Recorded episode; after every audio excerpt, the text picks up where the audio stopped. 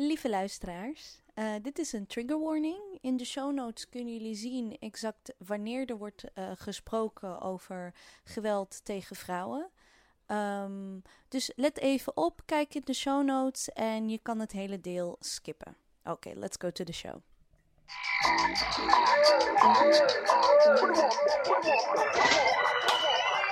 Welkom bij Dipsaus, het programma door vrouw van kleur, voor vrouw van kleur en iedereen die geïnteresseerd is in een ander geluid. En deze aflevering is opgenomen op vrijdag 2 juli vanuit Den Haag, vanuit Amsterdam en vanuit New York City. My name is Anusha Zume en ik kan jullie vertellen, het is hot, hot, hot in deze city. En mijn naam is Mariam El en mensen die hebben gezegd dat ondernemerschap en ZZP-life echt super glamorous is, die hebben tegen me gelogen, want het is echt heftig. en mijn naam is Ebise Rauw en ik kan niet wachten tot ik naar een grote openluchtfeestje kan gaan waar ik echt helemaal uit mijn dak kan gaan. Ik wil zo graag dansen, maar ik durf gewoon niet naar de clubs te gaan. Vergeet je niet te abonneren via dipsas.org. Daar zie je de relevante links naar iTunes, Spotify, Stitcher en Overcast. Laat ook alsjeblieft een recensie achter op iTunes. Dat vergroot onze zichtbaarheid. Uh, je kan je ook abonneren op onze nieuwsbrief. Vol artikelen, winacties. Winacties van het boek van Na Naida. Gaan we regelen straks. Uh, evenementen, playlists en onze eigen Dipsaus exclusive essays en recensies. En iets nieuws. Je kan ook, als je iets kan missen en ons wil helpen, geld doneren via onze homepage. Vergeet je ook niet uh, te abonneren op een nieuwe Dipsaus product. Het is inmiddels niet meer nieuw, maar voor ons is het stil nieuw. Spectrum, een podcast waarin de queer ervaring centraal staat. Dat klopt. Uh, Rias is, uh, uh, die begint elk jaar een seizoen bij het begin van Pride. Hè? Dus er zijn nu twee, seizoen 2 staat nu online met de Mani Leidsman en Roger. Ehm, dus ga dat vooral luisteren. En ja, um, ja Ebise heeft het een klein beetje gezegd. Um, in onze geweldige Dipsaus digitale studio hebben wij vandaag Naida Aurangzeb. Hey. Welkom. Hey, welkom. Dank jullie wel. Heel erg leuk om hier te zijn. Welkom in de Humble Studio. Naida is onder andere, onder andere documentairemaker van Met het gezicht naar het oosten en Kerstnacht in Bethlehem programmamaker en presentator van onder andere Dicht bij Nederland, De Nieuwe Maan, Bureau Buitenland. En nu ook samensteller en auteur van het boek dat echt als een bom is ingeslagen bij Hollywood.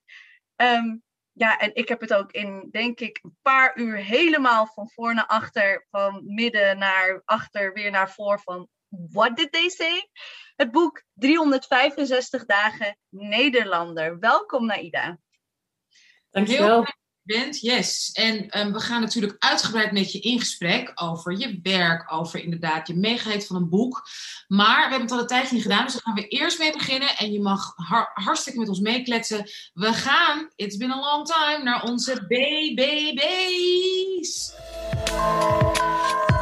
Onze books en binges en broadcasts, alles wat we iedereen aanraden. En uh, volgens mij, Marjam, mag ik wel zeggen dat wij allebei dezelfde B van binge tot je niet meer kunt staan, zitten, liggen, verslaving hebben. 90 Days Young. Naast jouw vriendschap en je sisterhood, Anusha, wat je me allemaal hebt cadeau gedaan, is daarnaast dit het grootste cadeau dat je me ooit had kunnen geven. Nee, echt. Nee, Ida, wij zijn allebei helemaal verslaafd. We proberen als hele goede dealers Ibiza ook nog over die verslavingsstreep te halen. Maar wij zijn dus echt helemaal verslaafd aan 90 Day Fiancé. Heb je daar wel eens van gehoord? Oh ja, wacht even. Ik dacht, waar hebben jullie het over? Dat is dat er iemand uit, dat, dat je dan verliefd wordt uit iemand uit het buitenland en dan mag hij op proef naar de VS. Yes, je hebt ja, ja, ja, ja, ja. Ik heb het ik, tijdje, ik heb het vorig jaar een tijdje gevolgd, nu weer even niet. Maar Hoe, het is. Hè? Hoe kan het dat jij dat je dacht nu even niet? Nou, het, het, is iets heel sufs. Uh, ik heb uh, mijn televisie is via T-Mobile en toen moest je iets veranderen op je televisie. En ik betaal nu al een jaar, maar ik heb geen zin om het te veranderen. Dus ik heb gewoon een jaar geen televisie. Oh. Je hebt geen DLC? Oh. Nee, gewoon niks. Maar het is inderdaad verslavend. Oh. Het is echt het is, e- ik doe, nou ja, even voor de mensen die denken, waar gaat het inderdaad over? Nou, Naida heeft eigenlijk fantastisch uitgelegd. Het gaat over inderdaad Amerikanen in alle shapes en sizes en zeg maar, hoe noem je dat, uh, uh, groepsbevolkingen, politieke allianties en noem maar wat, op zijn allerbreedst, die verliefd worden op hun manier, op een hele egocentrische manier, op iemand in een ander land. En die hebben dan 90 dagen de tijd, dan krijg je speciaal de K1-visum, is dat. Die, dan mag diegene uit het land, als die wordt toegelaten, toch een interview doen, is niet zo makkelijk. Die mag dan naar de VS komen, 90 dagen, drie maanden. En binnen drie maanden moet je trouwen, anders is het gewoon klaar en moet diegene gewoon terug. Maar er zijn dus ondertussen allerlei zeg maar, uitwassingen en, en van andere. Dus je hebt 90 Days Fiancé, hè, ze komen naar Amerika. Maar je hebt ook 90 Days the other way. Dus dan gaat iemand naar het buitenland kijken, wil ik hier wonen bij deze persoon? Je hebt before the 90 days, dus van ga ik deze persoon wel of niet naar Amerika halen? Je hebt happily ever after, dus met andere woorden, ze zijn deze 90 dagen getrouwd, maar wat nu? Je hebt 90 days, what now? Het is helemaal misgegaan. En je probeert het misschien met iemand anders uit een ander land of hetzelfde land opnieuw. En je hebt 90 Days The Couples Tell All. Dan gaan ze elkaar bekijken en elkaar afkraken. En ze hebben ook 90 Days Live dan heb je hele shows waar ze live met elkaar zo ongeveer op de vuist gaan. Of huilen, of weet ik veel. En dan extra gasten gewoon invliegen. Echt, Naida, it's the gift that keeps on giving. Volledig door de... En daar zijn Amerikanen zo goed. Ze hebben elke kans. Ze gaan 90 Day Fiancé en The Pets gaan ze nog ook echt een keertje doen. En de huisdieren. Maar het is... Kijk, waarom ik het eerst niet wilde kijken is omdat ik het alleen wist van TikTok. En dat was een, uh, een oudere Amerikaanse man. Die dan naar volgens mij Thailand ging. En ik dacht zo van, heb ik daar zin in om de hele tijd te kijken naar van die oude witte mannen die naar Azië gaan. Maar dat is gewoon de uitzondering. Het zijn gewoon witte mannen van 28. Hè? Dan heb je een Brandon en dan denk je, ja Brandon, uh, waarom zoek je eigenlijk iemand in het buitenland? En dan komt Julia uit Rusland, die komt dan daar. Die en die komt er langzaam achter dat ze die hele boerderij moet gaan runnen. Weet je, die hebben ze alleen maar ingevlogen van ja, feed the chickens, daar zijn de varkens. En uh, kan je dat eventjes allemaal doen? Het is echt. En ze mag niet bij hem op de kamer. Dus ja, dan... ligt, ze ook, ligt, ze ook, nog op in een soort, soort vieze, soort hele depressieve kamer met al een oude troep en een bed. Daar mag ze dan slapen. En I literally have to clean shit. En de tijd tegen de varken, niet! niet, niet. En je hebt ook inderdaad gewoon, weet je, eh, ook heel problematisch, maar weet je, oudere vrouw van in de 50 die een mooie jongen uit Belize van 25 uh, eh, hebben. Maar je hebt ook gelijkwaardige relaties. Ik bedoel, het is echt letterlijk het hele spectrum van super cringy en heel erg eng problematisch. Maar ook mensen die gewoon letterlijk gewoon, ja, eigenlijk wraak nemen. De kolonialisten. Hè? Hebben we ook gezien, maar ja. Waarom heb je geen, waarom heb je geen geld? Hè? Is dan de vraag van zo'n vrouw. En dan zegt hij ja, omdat ik echt alle drie mijn visa's op heb gemaakt aan, aan jou. En zegt ze, oh. Ja, je huis is niet goed, ik wil een ander tapijt, anders ga ik weg en ik wil dit niet. En dan denk ik van, wauw. Heerlijk. Okay. Het is ook net zoveel vrouwen die mannen halen. En je hebt ook oudere vrouwen die jongere mannen halen. En je hebt ook gewoon dezelfde leeftijd. En ook allebei wat ouder of allebei jong. Het is echt aan alle kanten. En ja, het is gewoon fascinerend. Ik bedoel, ten eerste, ik bedoel, Ebize, nu, ik zat nu net ik, in 90 Days the Other Way. Ik ben gewoon in Ethiopië geweest. Ik ben in Ethiopië geweest. Ja. Ik heb gewoon gezien hoe het is als jij gewoon naar Ethiopië gaat als een soort Jewish American princess. Hè? Dat is even een beetje, sorry ik het zo noem. Maar een meisje uit een hele hoogopgeleide Joodse familie. Vader is arts, moeder dit en dat en dat. En zij zegt gewoon, nou ja, ik ben met een Ethiopische man. Ik wil mijn kind krijgen in Ethiopië. En, she, en ze gaat. Nou, echt geweldig. Ik bedoel, ook heftig. En zij heeft ook heel erg, heeft ze dan, komt ze ook gewoon in uh, spiegel, moet zichzelf voorhouden, haar eigen vooroordelen en culturele issues. Maar ze doet het wel. Ze houdt gewoon. Ja. Ze maakt het zichzelf niet makkelijk. Ze wil daar ook echt een baby krijgen, zonder de ouders, voor hem. Omdat ze zegt, ja, gewoon in zijn land. Nou, echt. En die familie, die is hartstikke streng ook tegen haar. Zo van, kan het schelen dat je helemaal hier naartoe bent gekomen. Moeten we nou blij zijn? Ja, we're the sponsor. Jullie worden gesponsord door 90 Days. I wish. Discovery Plus. I would like to add Love Island. Ik, ik ben, you know, I'm a Love Island fan. Ja, oké. we gaan dus naar jou, B. Mijn, mijn B is niet Love Island. Dat ga ik waarschijnlijk, als ik halverwege in zit, ga ik erover praten. But it, it, it has started, it is bad as well. Maar goed, mijn B is eh, de B van boeken, My First Love. En dat is eh, wat ik eh, afgelopen in mei, juli heb ik drie boeken van N.K. Jemisin. Eh, het is een science fantasy, het science fiction fantasy eh, trilogy. Eh, het heet The Broken Earth trilogy. Heb ik in vier dagen uitgelezen. En het is echt, echt, echt heel gaaf. Ik ga links sturen. Het is een Nederlandse. het is in het Nederlands vertaald. Alle drie de delen zijn in het Nederlands vertaald. Dus ga ik wel even in de show notes stoppen. Maar in het kort. Ehm, het is eh, een genre doorbrekend, want het is science fiction en fantasy door elkaar een genre doorbrekend serie over. Het gaat onder andere over klimaatverandering, ook over rassenscheiding. Het is echt best wel heftig. En onderdrukking, eh, waarin eh, de wereld, eigenlijk de aarde, heel erg medogeloos is naar, naar zijn bewoners. Dat is een hij ook nog.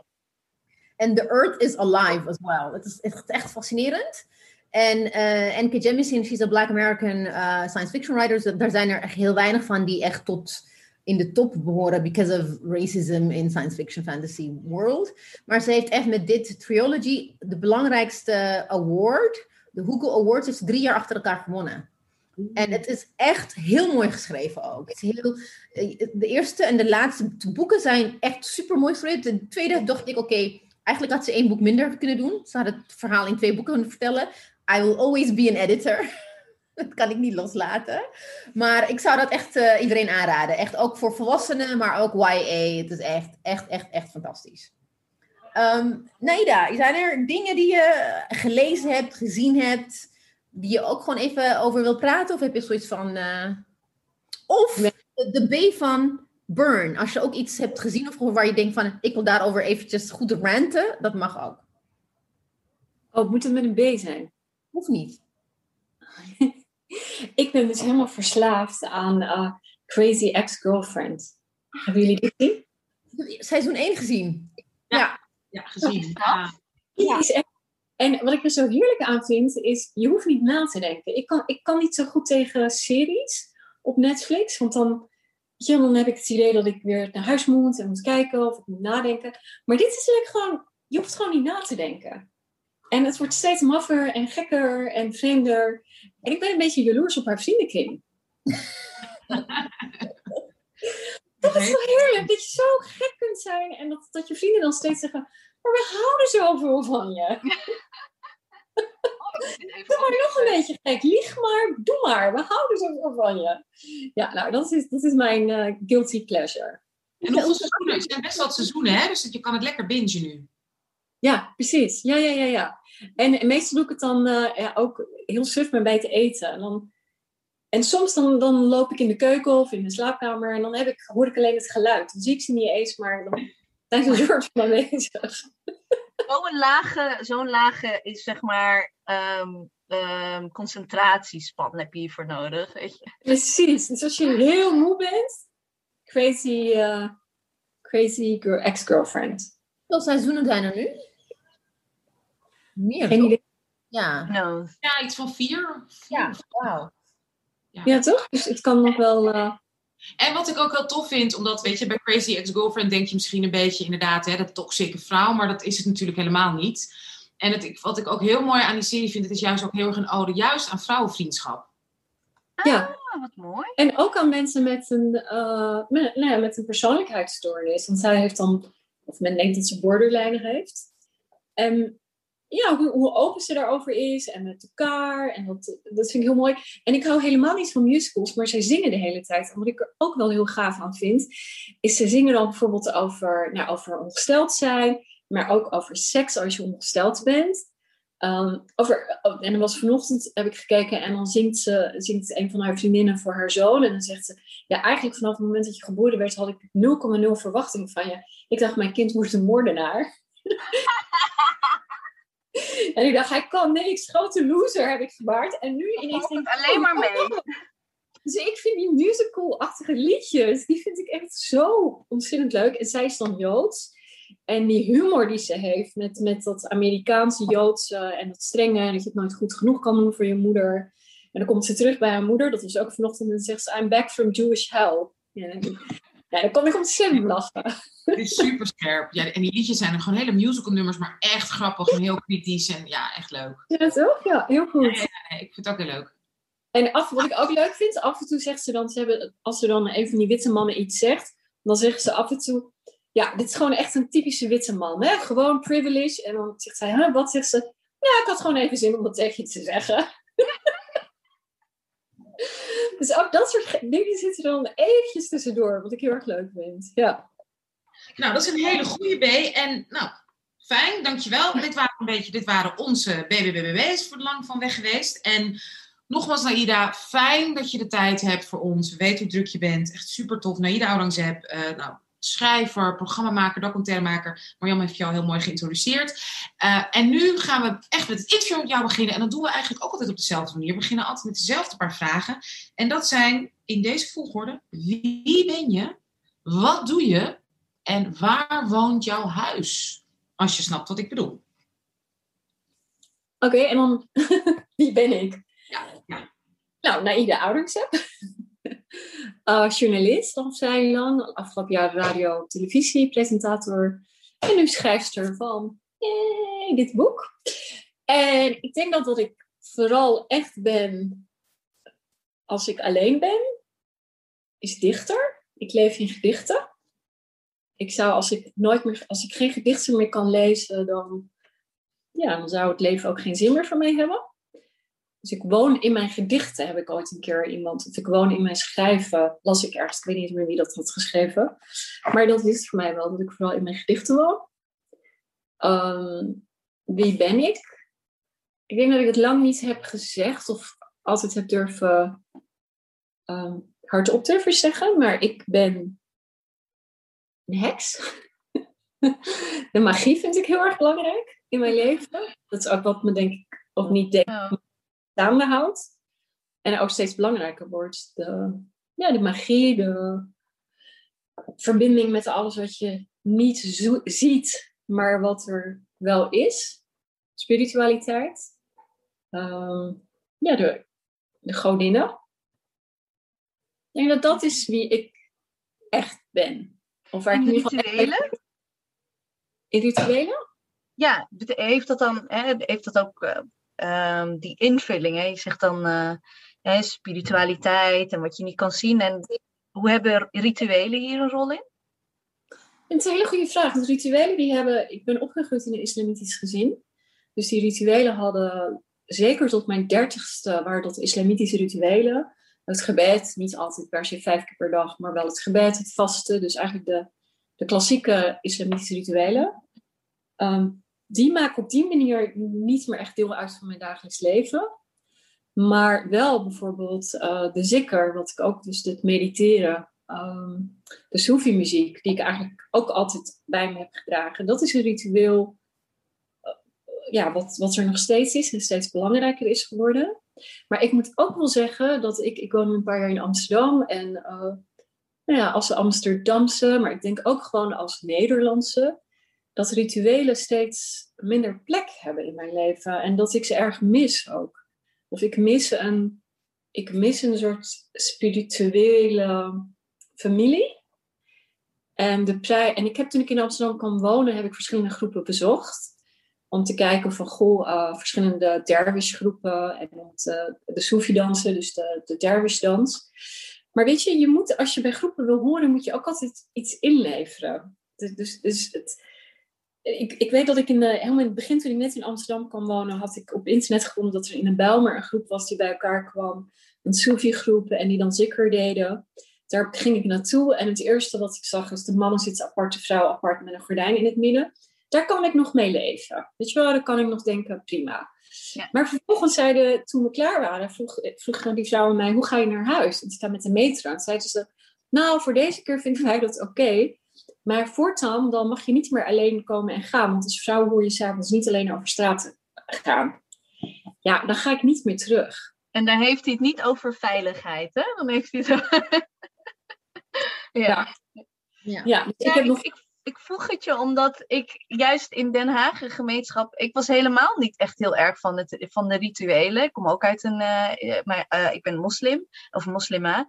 En gisteren hadden we Queer Ketikotti uh, in Den Haag. En hebben we een ritueel gedaan voor onze voorouders. En ik vind dat heel ingewikkeld, want ik denk, oh, maar ik ken dit helemaal niet. Ehm, maar toch gedaan. En, maar ik was echt, het was best intens.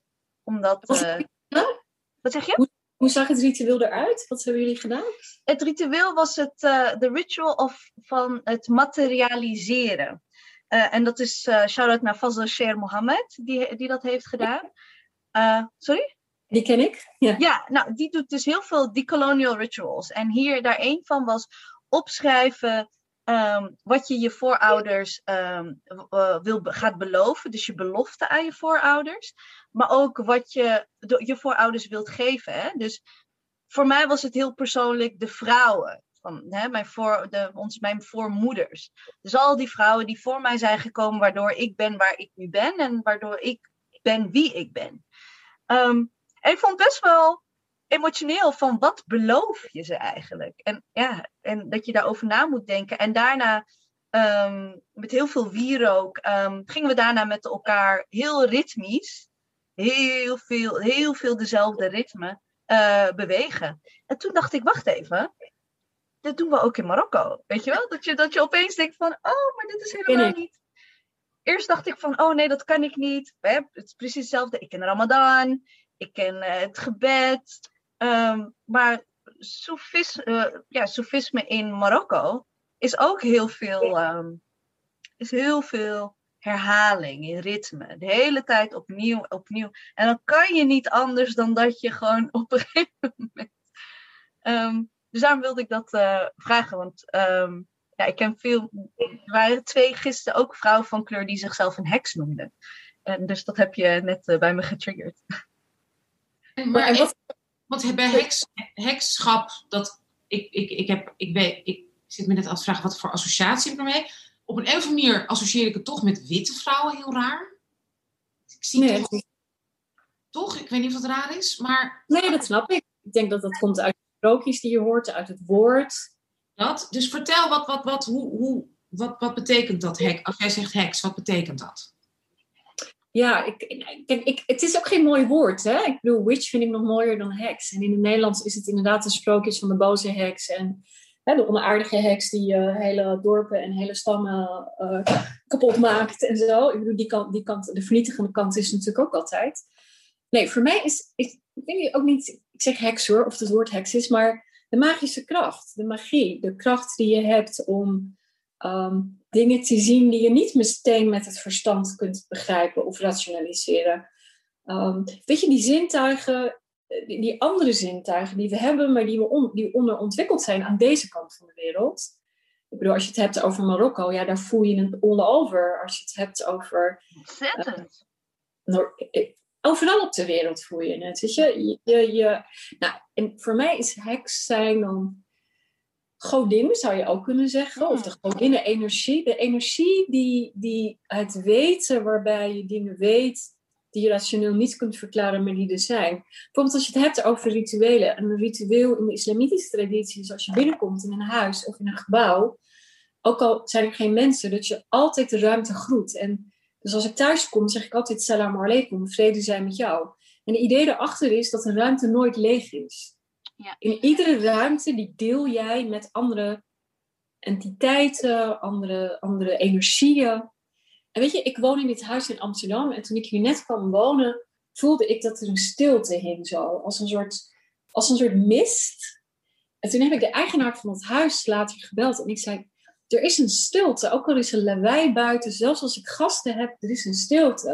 En toen zei hij, oh, is dat zo? Toen zei ik, ja. En toen moest hij lachen. En toen zei hij, weet je, de drie jaar dat ik daar heb gewoond, voordat jij er kwam wonen, was ik van de 24 uur per dag, heb ik 20 uur per dag mediterend doorgebracht in dat huis.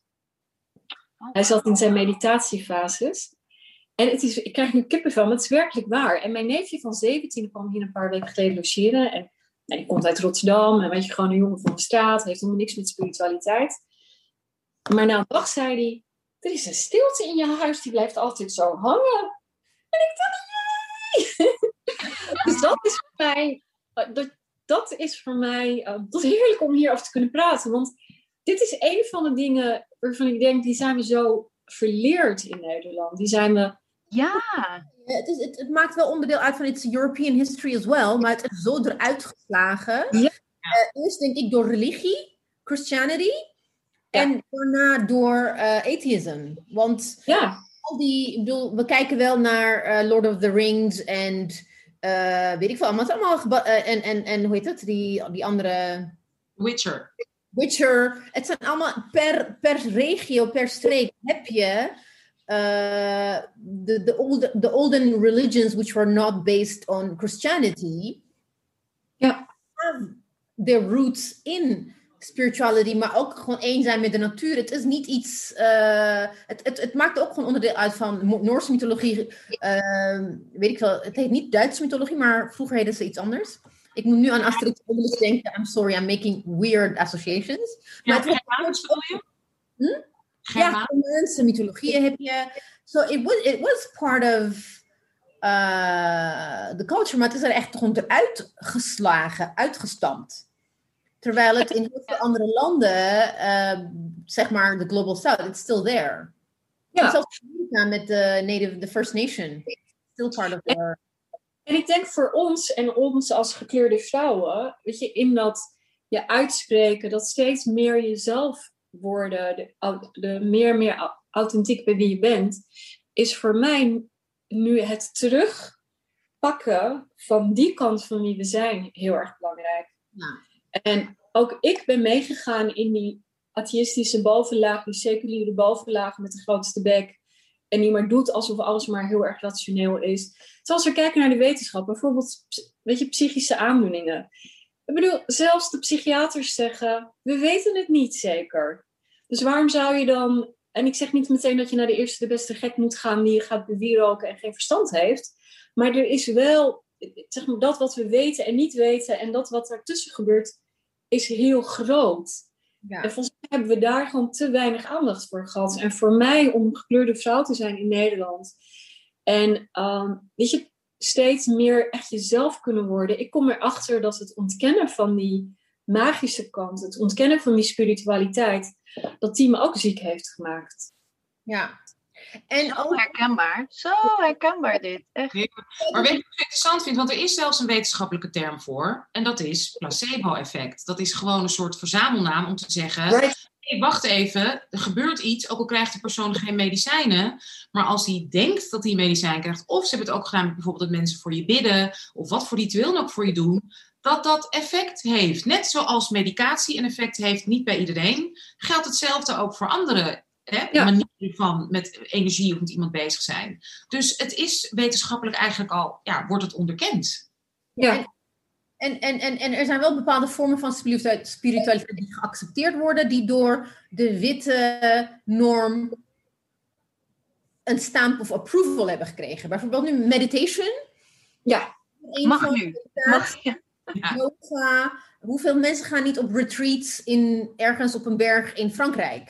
Ik heb ze hierin staan, hè? maar ook Mhm. de, de arrogantie. Ja. Dat mij bijvoorbeeld wordt gezegd, ja, maar ik bedoel echt mediteren, Naida. Daar moet je een app voor downloaden. Sorry, maar ik kom uit een Soefi-traditie waarbij, weet je, kinderen leren mediteren nog voordat ze kunnen praten. Nee, maar wij bedoelen echte meditatie. Ja.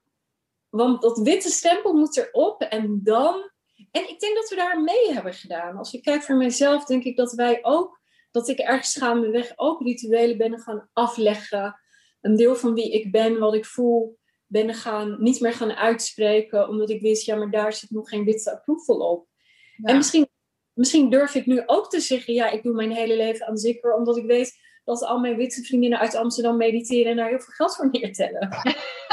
Wat ik nou vind, weet je dat? Ik weet niet hoe dat bij jullie is, maar ik vind het dus, ik heb dus een soort ingewikkelde relatie met, met, met die yogascholen en die, dat je voor iedere meditatieles geld moet betalen. Nou ja, En joh, het is gewoon kapitalismus. Ja, Ja, toch? Oké, ben ik zeer. Helemaal niet. Ik heb er, hallo witte mensen, we zitten er een heel hoofdstuk, heb ik het, heb ik het daar. Ja, want er was heel veel kritiek op dat. En ehm er was Ja. in, eh, in eh, de UK was daar een heel groot eh, ehm, essay over. Over dat daar ehm, eh, je pas yoga mag geven als je een bepaalde cursus hebt gedaan. Dus als jij bijvoorbeeld, ik zeg maar wat, uit India komt en je hebt daar je hele leven yogales gegeven en je komt naar Londen, mag je dat niet doen. Je moet die keurmerk hebben, anders mag je geen yogaschool hebben, anders mag je niet. En dat is echt, ja. Ja, echt de omgekeerde wereld. Echt te overnemen. Maar goed, overnemen, dat gebeurt natuurlijk heel veel uh, in Europa. En ook als je het hebt over vrouwelijke energie, vrouwelijke kracht. Ik bedoel, ja, door ook het westerse geloof heeft dat zo ontzettend. Is eigenlijk het christendom het begin van zeg maar, onderdrukking van vrouwen. Ik bedoel, en de vrouwelijke energie. Ja. Het is part of a tradition hier, eeuwenoude traditie. Um, oh, wat leuk, nee, dat je hierover bent begonnen. Ik ben meteen al lekker, mm, ga hier lekker de hele avond over nadenken. nou, gaan we binnenkort goed lang over doorpraten. Ja, ja, ja. ja. Um, ja, ook een vraag. Je, je, dat, dat, dat nadenken over jezelf, jouw positie, vrouw zijn, hè, vrouwenrechten in het bijzonder, maar ook zeg maar mensenrechten, de rechten, hè, de, de, culturele rechten die je hebt, komen allemaal terug in je boek. Maar hoe, hoe is dat onderwerp bij jou, zeg maar, je leven belangrijk geworden? Is het iets wat je van huis hebt meegekregen? Zat dat, dat bij jullie thuis al in gesprekken? Is het iets waar je zelf in bent ontwikkeld? Kan je ons iets vertellen over die, die, die weg daar naartoe? Ik denk dat uh, wat er bij mij. Ik ben opgegroeid in Rotterdam, geboren in Pakistan en op mijn derde naar uh, Rotterdam verhuisd waar mijn vader al woonde. En drie broers, geen zussen. En mijn vader was heel erg jong al heel helder in dat uh, eind van de dag je altijd een keus hebt. Dus hij was heel erg van, oké, bijvoorbeeld een, een, concreet voorbeeld is dat ik van mijn vader niet mee mocht doen aan mijn gymlessen op, school, op, de lagere school. Uh, niet, geen zwemlessen, geen gymlessen, een beetje van die school. Van mijn moeder mocht ik wel naar gym, dus die, had dan een uh, gymbroekje voor mij in de, in, de, in, de, in de tas gedaan. En ik weet dat één ochtend, ik moet een jaar of acht geweest zijn, wilde ik naar school en mijn vader zag de tas en die zei, wat zit er in je tas? En ik begon te huilen, eerlijk als ik was. En ik maar huilen en zei, wat zit je te huilen? Wat zit er in die tas? Dus hij doet die tas open en ziet dat gymbroekje en kijkt mij aan. En ik zie hem nog staan en zegt tegen mij, oh, dus uh, jij gymt wel, maar ik had toch gezegd dat je niet mag gimmen. En dat ging dan over dat ik me niet mocht omkleden op school. En toen zei hij, oh, maar als je dus wel een gymbroekje hebt, dan betekent dat mama heeft gezegd dat je wel mag gimmen. En toen zei ik, ja, dat klopt. En toen zei hij, weet je Naida, ik zeg nee als je vader, mama zegt ja. Maar at the end of the day gaat het erom, wat vindt Naida? Ik vond dat zo oneerlijk, want ik dacht, ik ben acht man. Je hebt gezegd dat het niet mag. En, je wel? en ik voelde echt dat ik dacht, doe normaal. Ga je mij nou verantwoordelijk maken voor of ik wel of niet mag gimmen? En later heeft hij dat gedaan toen um, hij zag me een keer een boek lezen. En toen zei hij, weet je, ik, mijn Nederland, toen zei hij dat mijn Nederlands is niet goed genoeg om te bepalen wat voor boek jij leest en of je dit van mij mag lezen of niet. Hij zei, het enige wat ik je mee wil geven is als je een boek leest, uh, tijdens het lezen moet je vooral blijven voelen, wat doet dit boek met mij? En als dat boek je hart verzacht en ruimte maar opent in jou, dan is dat een goed boek wat je leest. En zo heb ik een heleboel voorbeelden van mijn vader, waarbij het eigenlijk steeds was, jij bepaalt. En later toen ik ging trouwen, of wou trouwen met een jongen die hij afkeurde, want hij was Surinaams Hindoestaans en dat mocht niet, want ik moest met een Pakistan. En toen zei hij tegen mij, ik wil niet dat je met hem trouwt, uh, maar de keuze is van jou. En toen, zei en toen zei ik van, ja, maar jij hebt gezegd, als ik wel met hem trouw, dan willen jullie geen contact meer met mij, dus welke keuze heb ik? En toen zei hij, zelfs met een pistool op je voorhoofd, met de dood tot gevolg, ben jij nog steeds degene die ja of nee zegt. Dus een keuze maak je altijd zelf. De consequenties zijn ook voor jou en die moet je dragen. Dus die, die, dat sterke gevoel van jij bepaalt en de verantwoordelijkheid die daarbij komt, die heb ik echt wel van mijn vader meegekregen. En ik denk dat, dat het gevoel voor rechtvaardigheid en het gevoel voor um, stem geven aan, ook van mijn ouders. Alleen, um, op een gegeven moment werkt het natuurlijk tegen hen. Hè? Want dan ga je gebruiken tegen hen. En dan is het, en dan zeg ik, ja, maar pap, jij hebt altijd.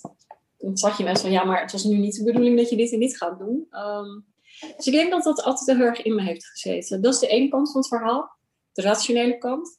En de andere kant is, um, kijk, mijn moeder is enigste dochter. Komt ook uit een, ik kom uit een vrij mannen gedomineerde familie. Van vaderskant en moederskant. En ehm, mijn opa van mijn moederskant heeft mijn uh, oma om het leven gebracht. Ehm, dus geweld tegen vrouwen is, is een rode draad in mijn familie.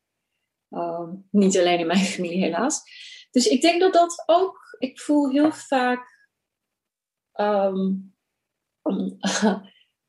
dat dat wat mijn moeder niet kon. Mijn moeder heeft dat gedaan wat vrouwen natuurlijk vaak ook doen. Hè? Eh, de, de, zeg maar de stem van de, de geïnternaliseerde stem van de man is vrij groot in mijn moeder. Wat logisch is, want dat was de enige manier waarop zij kon overleven. Want haar vader ging niet de gevangenis in. Ze had drie broers. Ze was acht en getuige van de moord op haar moeder en moest zich staande houden. Dus die geïnternaliseerde stem bij mijn moeder van de man is heel groot. En bij mij is de stem of de, dat wat, wat voelt dat ik stem moet geven aan mijn oma. En later heb ik, nog voordat ik 25 was in Nederland, had ik al vier vriendinnen um, nou ja, zien overlijden uh, om het leven gebracht. Um, Eén in het buitenland en drie in Nederland. Dus bij de leeftijd van 25 had ik al gezien wat, wat het dat vrouw zijn niet alleen maar gevaarlijk kan zijn en ik word in elkaar geslagen verkracht. Maar letterlijk ook betekent soms, ik leef niet meer. En zij leven niet meer en ik leef nog wel. Wow. Ehm, dus voor mij, voor mij is, is het, het um, weet je wel, het, is letterlijk iets om leven en dood. Het is niet iets wat ver weg is. Het is niet iets wat... Um, ja, en daarna heb ik zelf tien jaar, toen ik uiteindelijk trouwde, achteraf te horen, maar goed, zat ik tien jaar lang zelf in een gewelddadig huwelijk. Oh. En, um, in Nederland, in Den Haag. Met heel veel vrouwen om me heen, die daar de buitenwereld toe allemaal fantastische banen hadden, hoog opgeleid, maar in gewelddadige situaties zaten. Dus voor mij is dat stemgeven aan, of, of, het zien, of het zien daar waar pijn is, daar waar trauma is. Ik heb daar dat extra ontwikkeld. En daardoor voel ik me ook verantwoordelijk. Want ik heb wel, dat had ik ook wel snel door, ik heb wel het talent gekregen om dingen om te zetten in woorden. Ja. En ik leef in een land, gelukkig, waar vrouwen voor mij en mannen voor mij hard hebben gevochten, zodat er in ieder geval enigszins ruimte is om ons uit te kunnen spreken. Het is een veel te lang antwoord, maar... Nee, nee, wat mooi. En dankjewel dat je dat uh, met ons deelt. En dat zijn ook de, een van de dingen dat ik zo bewonder aan je. Um, ook, weet je, toen ik jong was en jou op tv zag, om iemand te zien um, die sprak op een manier waarop je wist van, oh, maar dit is, dit is echt. Begrijp je wat ik bedoel? Dus dan moet je eigenlijk voorstellen dat ik moet opgroeien hè, um, als moslima, als uh, vrouw van kleur. En dan waren er er waren een aantal mensen van kleur op, op tv, maar die mij boodschap gaven van eh, nee, je moet, uh, je moet alleen maar dwars zijn, nee, je moet alleen maar seks hebben, je moet niks maar te maken hebben met islam, want anders ben je geen bevrijde vrouw. En dan zag ik jou op de, bij, bij de Nieuwe Maan of tv, op de, hè? en dan dacht ik, oh, maar je kan ook een verhaal vertellen. Dus dat ik als moslima kan zeggen van ja, er is patriarchie, er is een patriarchale killing machine gaande in mijn gemeenschap. En daar mag ik over praten en daar mag ik vocaal over zijn. Ehm, want het gaat letterlijk over leven en dood. En ik heb heel vaak gedacht van oké, ik kan daar niet over praten. Want, hè, want witte mensen luisteren mee of witte mensen kijken mee. En dan denken ze, oh, nog zo'n zielig verhaal van een, van een. Maar het is zo empowering en emanciperend als je je verhaal gewoon durft te vertellen. En de laatste keer dat ik dat echt um, een beetje ook van mezelf schrok, was een aflevering over I May Destroy You. En dat ging over eh, seksueel geweld, seksueel misbruik. En dat ik in die aflevering zelf door de mani erop werd gewezen dat ik eigenlijk, ik was het helemaal vergeten dat ik in een situatie zat dat heel onveilig was. Um, dus ja, ook weer een hele lange antwoord. Maar ik, volgens mij is is wat ik probeer te zeggen, is dat er zoveel kracht is in, in mensen zoals jij die ehm, verhalen durven vertellen. Want het is niet voor de lol en het is niet omdat het gezellig is, maar het is echt femicide is echt. En femicide, ehm, ja, kills. Ja, en weet je, dankjewel voor het delen. Want kijk, er is nooit het juiste moment. Als je kijkt naar de Black Movement, hebben we natuurlijk ook gehad dat black, zwarte mannen zeggen tegen zwarte vrouwen: ja, maar het is nu niet de tijd. Zolang er racisme is, is het niet de tijd om te hebben over vrouwen. Ik heb eh, eh, nou, met tijden in Israël en Palestina gewoond. Uh, daar wordt gezegd, zolang de Israëlische bezetting gaande is, moeten Palestijnse vrouwen niet zeuren over geweld. In Nederland, ook tegen mij is er gezegd, ja, maar jij helpt nu Wilders en de PVV. Nee, ik help helemaal niet Wilders en de PVV, want er, is het, er zal nooit het juiste moment zijn om onze zaak als vrouwen op de agenda te zetten. Dus het juiste moment is nu. Dat is de ene kant van het verhaal. De andere kant van het verhaal, ik en jullie, wij weten heel goed dat vormen van geweld tegen vrouwen overal voorkomen. Ja, precies. Het aantal vrouwen dat naar mij toekomt en mij vertelt en de afgelopen jaren heeft verteld over hun gewelddadige relaties, het grootste gedeelte waren hoogopgeleide witte vrouwen. Het is het grootste taboe in dit land. Ja. ja. ik, ik, ben een toneelstuk aan het schrijven nu in New York. Ik zit in een toneelklas en ik heb net research gedaan. En letterlijk, een van de quotes die ik in mijn stuk ook gebruik. Er worden in Amerika, weet je, het uh, rijke, geweldige, weet ik veel, hè, uh, kapitalistische Westen, worden er gemiddeld duizenden vrouwen per jaar vermoord. Ja. Overgrote deel wit, omdat ze nee zeggen tegen man. Vermoord, hè? Ja. Waarvan een heel groot deel, een groot, overgrote deel is door iemand die ze kennen. Ofwel een partner, ofwel familielid. En dat zijn witte, hè, het grootste deel is, zijn witte vrouwen. En dat is niet, oké ja, we hebben hier, je hebt hier Harvey Weinstein, we hebben hier, ik weet niet wat allemaal meegemaakt.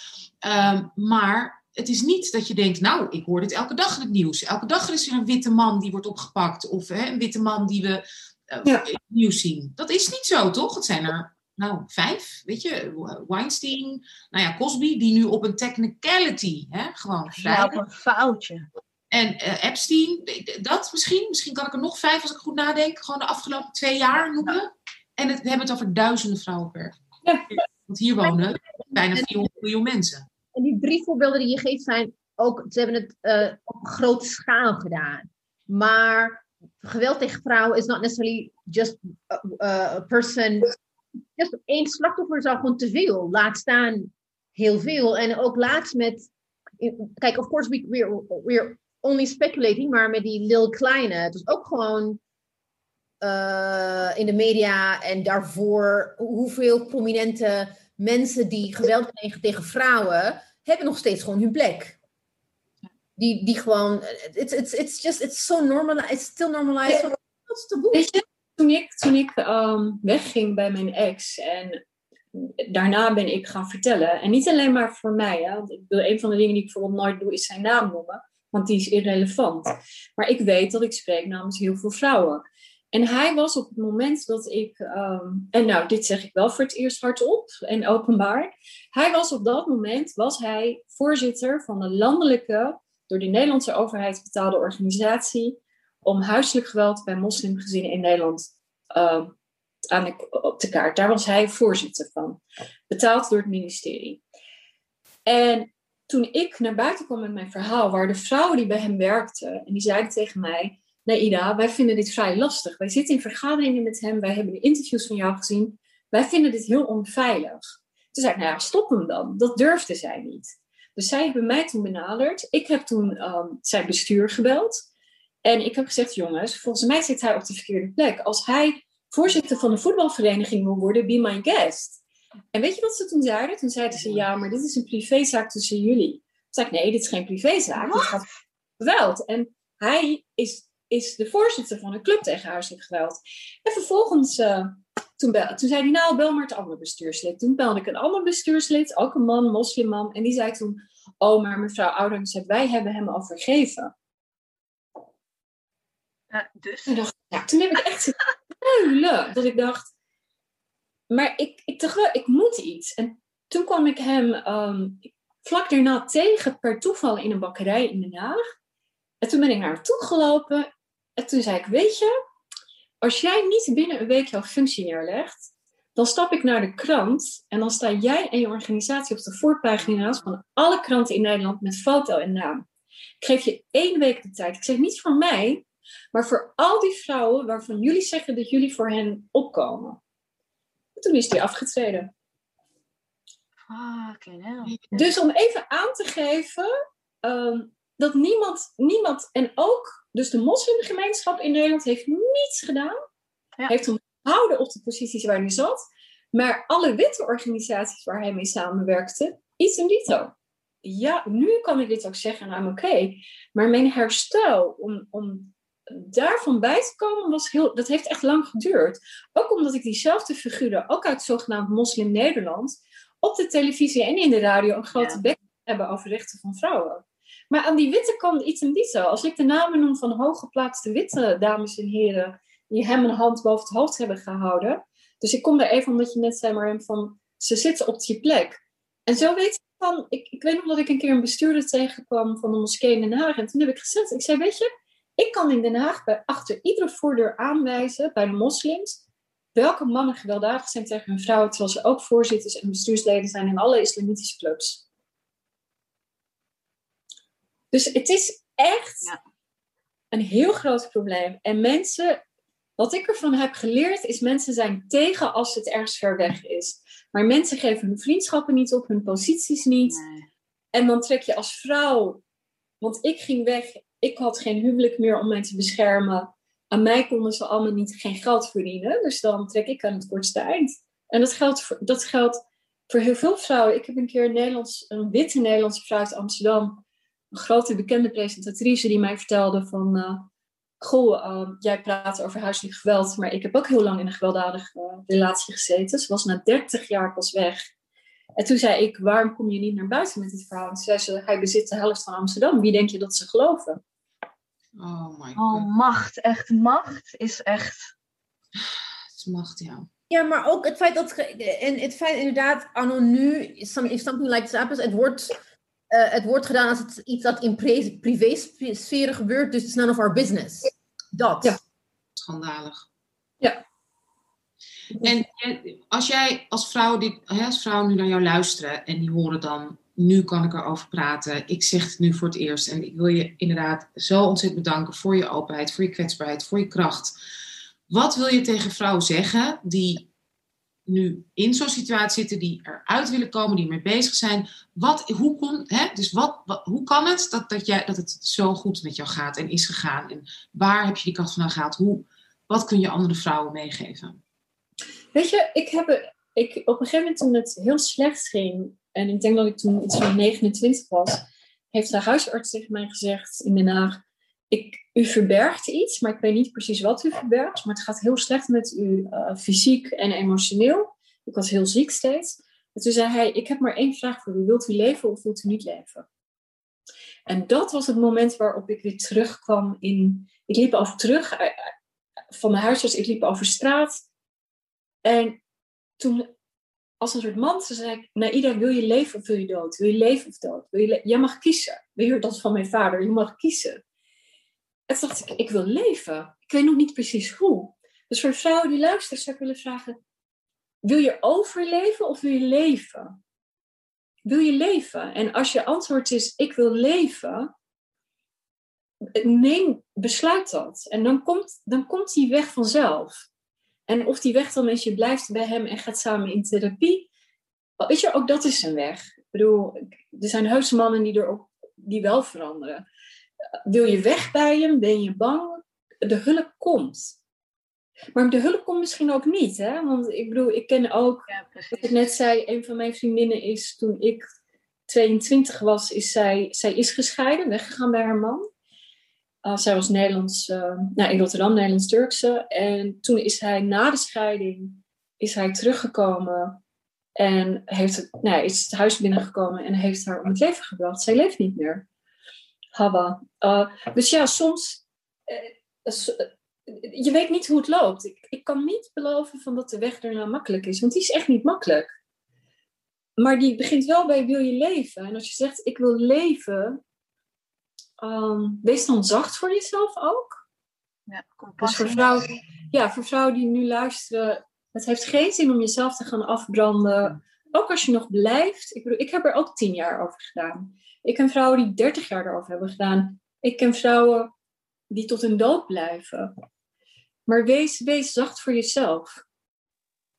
Compassie. Echt compassie is daarin in het herstel zo belangrijk. Dat je niet denkt van, hé, oh, dat was toch een red flag, dat had ik moeten zien. Compassie, want het overkomt je. En, en ja, ik, ik heb altijd van mijn therapeut geleerd, je kan pas iets als je het kan. En ik vond dat zo vaag. Ik dacht echt, wat is dit voor diepe gedoe? Ehm, maar wat ze, wat ze zei was, je kan pas ehm, opkomen voor jezelf wanneer je dat kan. Het kan niet eerder. En het kan niet later. Je kan het pas. En ik heb dat heel erg geleerd ook als je kijkt naar. Als, als, als ik keek naar mijn ouders. Mijn ouders zijn de ouders geweest die ze konden zijn. Ja. Ehm, en meer ook niet. Dus de overlever die je bent, ben je pas wanneer je dat kan. Ja. Er is geen roadmap. Er is geen van, uh, nou, nu doe je dat. En dan gebeurt er dit. En dan ga je naar stap 4. Nee, het is, een, het is ook geen lineair. Het is ook niet lineair. Het gaat alle kanten op. En dat is hetzelfde met rouw, verlies, ehm, herstel. Of weet je, dat is, het, is het hoeft niet lineair te zijn. Dat is iets ook wat ons is verteld. Um, highs en lows. En... en ik denk dat het wel, wat, ik heel mooi wat ik jullie allebei hoor zeggen, en ook therapeuten zeggen, het begint wel bij het toegeven. Net als bij ja. verslaving ja. of een ziekte, weet je, bang om naar een dokter te gaan om iets te checken het begint toch bij die angst of dat gevoel daar naartoe gaan. En dat voelen, dat jezelf toestaan om dat te voelen. Wat, wat daar ja. is. En Dat- ja. leren het ook niet meer. Dat is ook iets wat ons hè, wordt, wordt afgenomen maatschappelijk. En ook soms Ja. cultureel of weet je, religieus. Maar inderdaad, die, nou daar zijn we weer. Die kracht, die magie in jezelf. Om daar naartoe te gaan. Daar naartoe te gaan. Daar, weet je, dat in ieder geval te voelen en daar te zijn.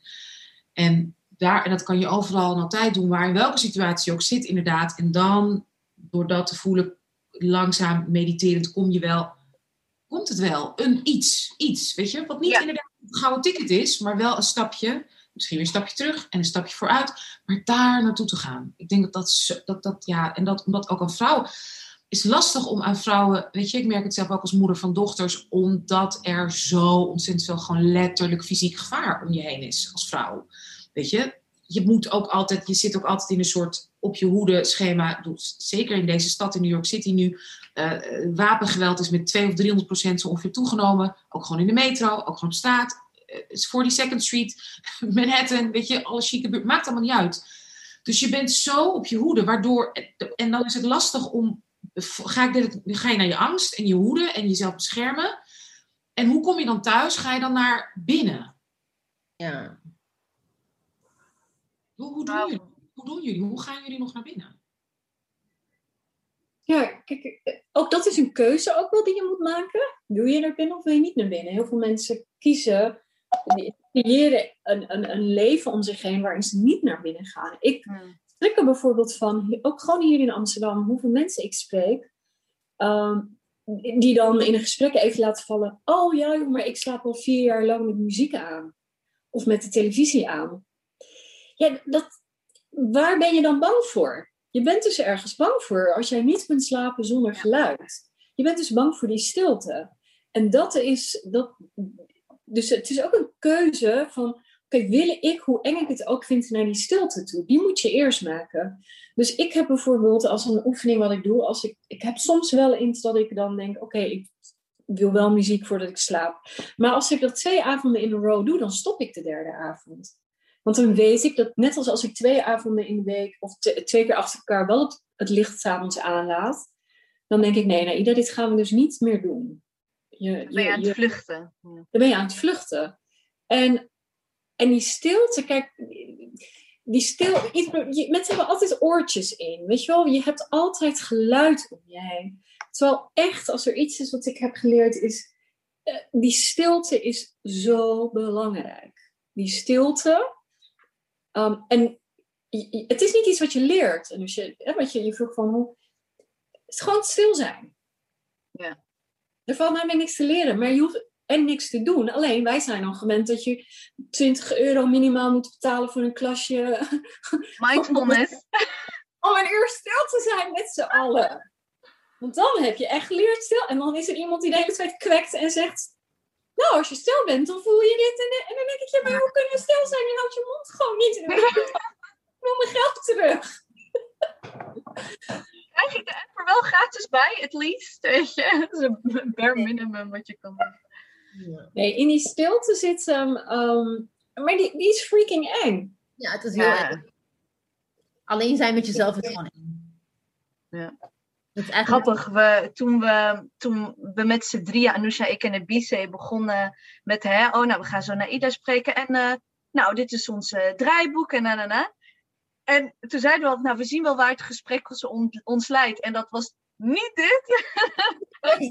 maar dit is echt het mooiste geschenk eh, dat je ons echt op deze vrijdagavond En jullie, kan geven. en jullie mij. Ik zie ineens allemaal al die beelden, want Anusha had het over dochters. Weet je, in dat, in de, in dat heks zijn of in die magie en in dat, hè, die, die, die verbinding met godinnen.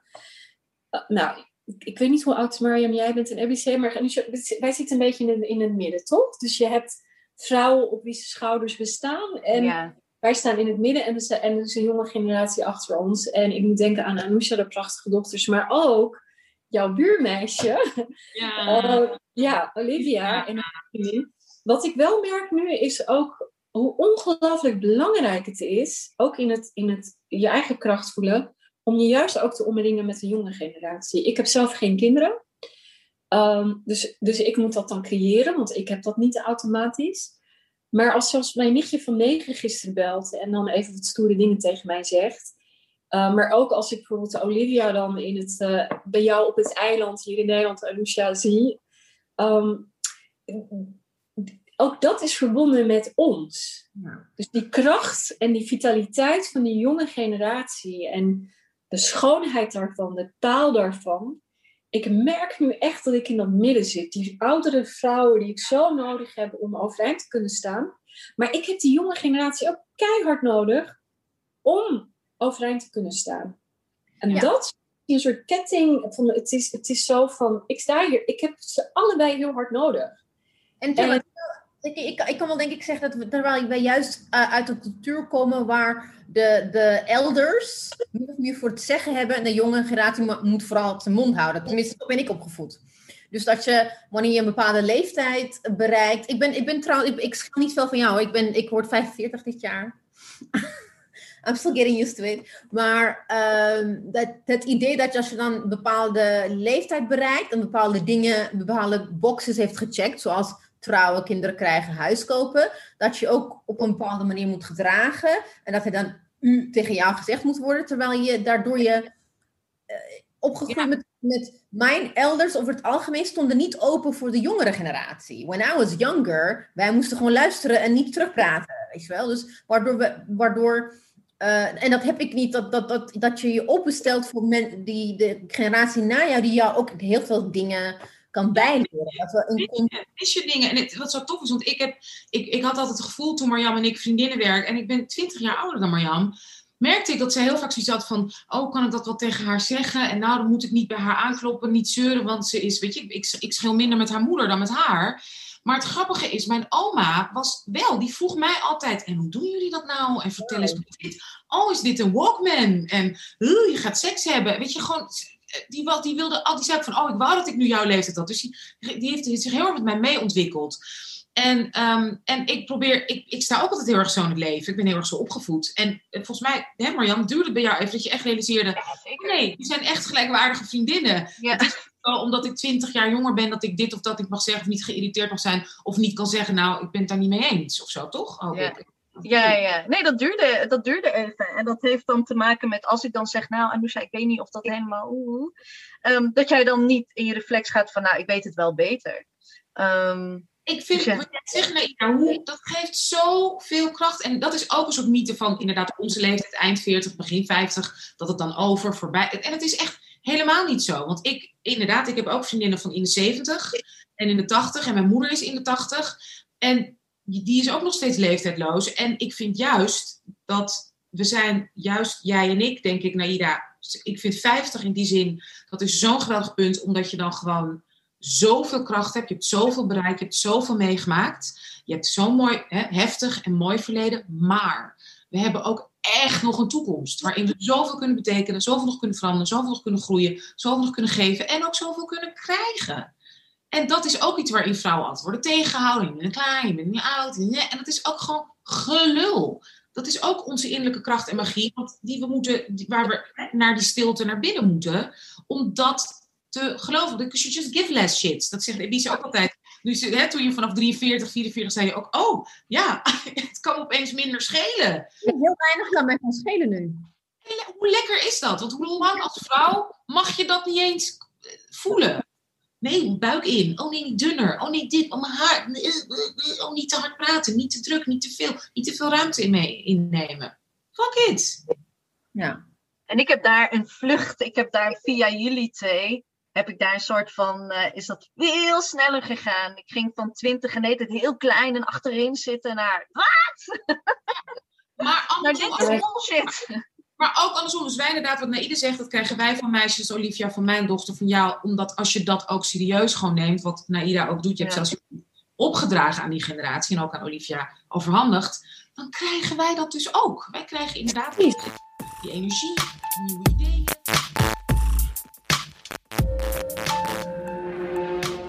Go back to why we're together here. And...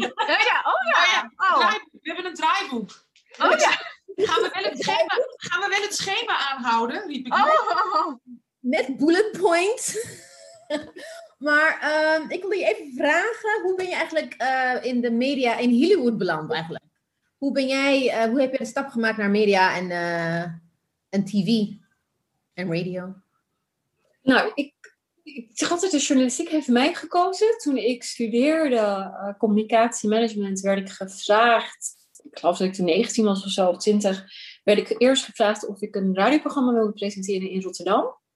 En dan deed ik er een beetje zo bij, nou ja, het zal wel, maar die directeur die had zoiets, nou, volgens mij kan jij dit wel. Um, dus dat heb ik gedaan, maar ik nam het niet serieus. En toen ben ik na mijn studie in het theater gaan werken in Den Haag, in het Volkspark Museum. En dacht ik, uh, want behalve media is mijn grootste liefde ook theater. en um, en toen werd ik gevraagd door, TV, door Radio West of ik een, wereldmuziekprogramma wilde presenteren. Dus ik ben eigenlijk steeds een soort van. Toen ben ik dat gaan doen en op een gegeven moment werd ik gevraagd dat er een nieuw televisieprogramma zou komen bij, de, bij TV West.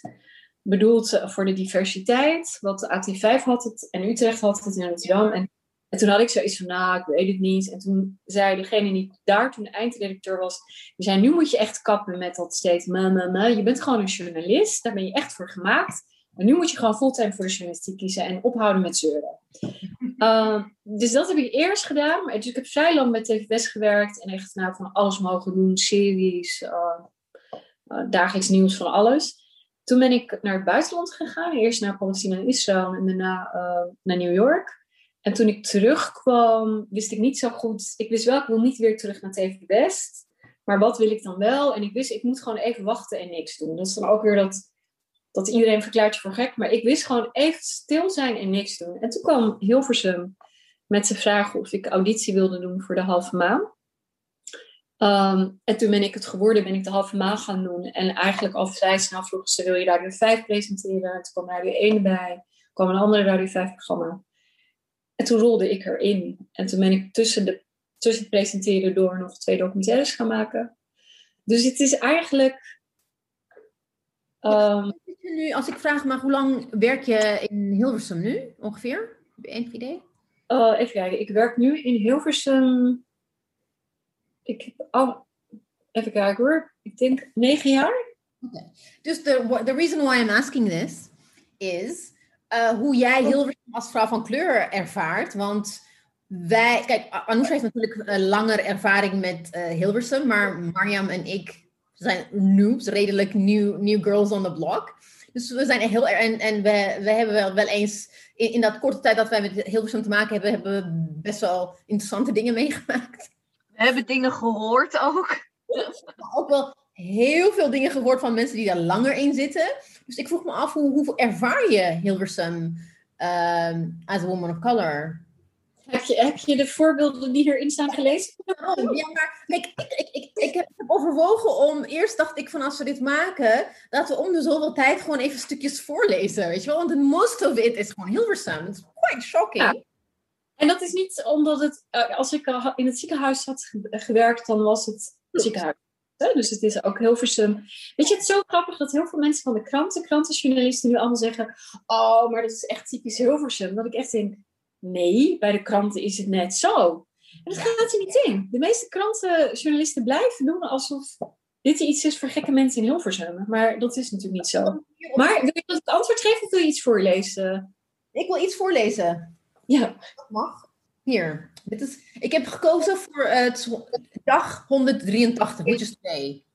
Eigenlijk. Als je telt vanaf ja, eh, Oh. 1 januari is vandaag de dag Oh. 183. Oh. Oké. En het is heel, heel treffend, dat vind ik wel heel erg tof. Eh, onbekende man. Voelt u zich soms ook wel een Nederlander? Ik, ja zeker. Onbekende man. Wanneer? 365 dagen per jaar. dat is dan je antwoord. Hoe reageerde hij daarop? Ja, dat was het. Ook, also, wie is hij? Adres, BSN-nummer, alles. Ja. En ja, hoe, nou weet je, ongeveer, ik denk vijf minuten voordat je de vraag stelde, had ik de behoefte om te zeggen, dit had dus nooit gekund op een, ehm, in een radioprogramma van Radio 1. Oh nee. Dus dit gesprek wat wij met elkaar hebben, dat kan alleen maar omdat dit dipsaus is en omdat wij dit zijn. Ik zat vorige week, denk ik, of twee weken geleden, in het YouTube-kanaal van Zini Osdeel. Turks-Nederlands, eh, eh, nou ja, hij is van alles. Eh, en ook daar, we hebben allebei heel hard gelachen en gehaald en geflirt. En van binnenuit het verhaal. En ik dacht, oh, dit is zo heerlijk. Want dit is alles wat ik al die jaren in Hilversum ehm, niet kon. Dus wat betekent het to be a woman of color in Hilversum? Of een man of color? Ehm, eh, het grootste gedeelte van de dag niet jezelf zijn. Ja, dat, dat is een heel goede antwoord. Je bent continu aan het schakelen. En dat ben je overal, hè? Want mijn, mijn, mijn ehm, broertje gaat van de zomer trouwen, inshallah. En met een ehm nou, Rotterdamse, zij is geboren in Rotterdam. Haar ouders komen oorspronkelijk uit Vest. En zij zegt, zij werkt in een internationaal bedrijf in Den Haag. En zij zei mij, tegen mij, zij zei, weet je, als ik 's ochtends in de auto stap, dan doe ik een masker op. En dat masker gaat er pas af als ik vijf over vijf weer in mijn auto stap. Ik ging dood. Ik wil niet dat dat Nederland is. Ik wil niet ze heet, bij, eh, ze heet Mariam. Ik wil niet dat Mariam geboren in Nederland, die geen enkel ander thuisland heeft dan Nederland, maar dat zij dat masker op moet. Maar dat is wel de realiteit. Nee, het is enorm de realiteit. En wij hebben allebei bij NTR diversiteit gewerkt. Waar wij de meest, zo ongeveer de meest diverse types waren. En ik kan me nog herinneren, want ik weet nog, jij was inderdaad altijd heel correct, vond ik jou. Echt gewoon mooi uithangbord voor NTR. Ik had het idee dat ik meer de grote bek had en ruzie en gedoe. En dat jij gewoon meer het spel... Want ik kwam, ik kwam zeg maar via de zijlijn bij Dicht bij Nederland soort van binnen. En je weet, onze oud-eindredacteur Mark, daar kon je best wel in ieder geval ruzie mee maken. Weet je dat is op zich wel oké. Zo'n zo'n beetje zo'n botte Brabander. Jij deed toen echt televisie. Jij was een beetje, hè, jij was echt het gezicht van NTR Diversiteit.